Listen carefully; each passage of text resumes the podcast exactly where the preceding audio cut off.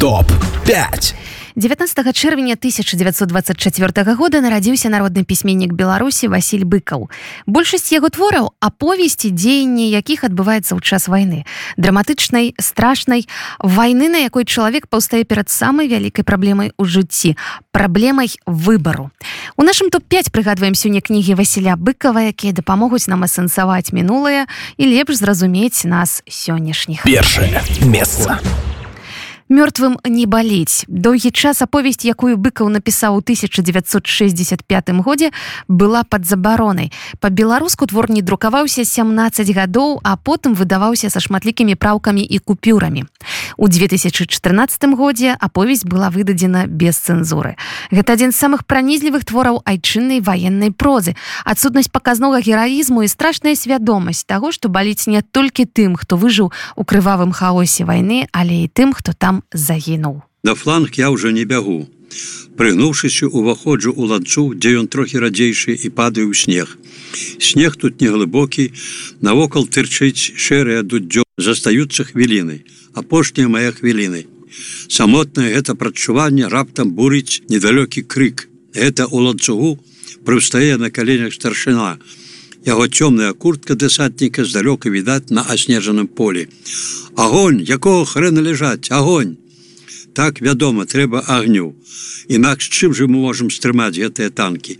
Толькі што мы ім зробім нашим агнём, каб хоць парачку ПТР, ды каб гранаты. Другое месца сотнікаў что такое чалавек перад знішчальнай сілай бесчалавечых абставін на што ён здольны калі магчымасці абараніць жыццё вычарпаны ім до конца і прадухіліць смерць немагчыма сотнікаў гэта аповесць разважанні пра цану жыцця і смерці баязлівасці гераізм вернасці здраду пытанні на якія у кожнага героя быкова ёсць свае адказы третье месца у Доўгая дарога дадому кніга мемуараў пісьменніка асабіста перажытая амаль за 70 гадоў быкаў піша пра найбольш яркія старонкі сваёй біяграфіі распавядае пра дзяцінства вайну вымушаную пасляваенную службу пра свой пісьменніцкі шлях паездкі пра сяброў і ворагаў У 2002 годзе ў празе ў студыі радыё свабода пісьменнік прачытаў свае ўспаміны. Атрымалася больш як 6 паловай гадзін аўдыёзапісаў. У прачытанні Васіля быкава яны набываюць асаблівую каштоўнасць. У восень 55 -го года звольніўшыся з войска прыехаў у горадню. Адразу паўстала пытанне, дзе жыць. Доўга шукаў кватэру, з адной якую заняў самавольна выгналі, знаёмы мастак параю пустую сцюдзёную каморку свайго суседа, якую я і заняў. Такім чынам найбольшы клопат быў вырашаны, заставаўся наступны праца. Жонка ўладкавалася ў школу хутка, а мне давялося чакаць. У рэдакцыі, куды вядома ж завітаў, людзі памяняліся, змяніўся і галоўны рэдактар.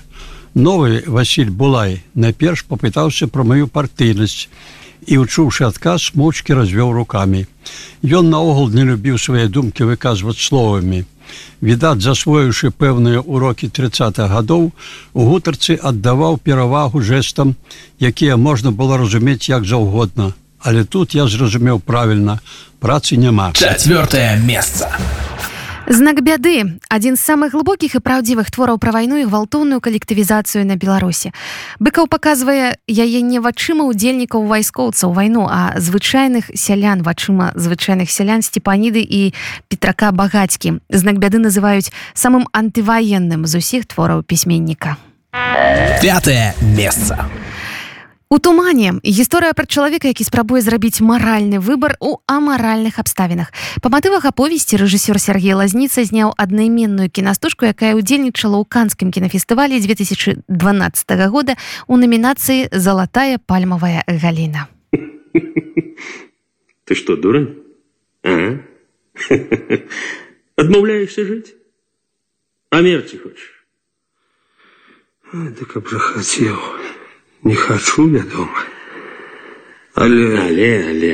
Так згаджайся мы ўсё зробім бальшавікі носу не падточыць ну. Не. Не магу значыць хочаш памерці так? Ну гэта прасцей паранай рэпы. Заўтра ж павесім ты ўсё ж падумай м? падумай да заўтра топ пять,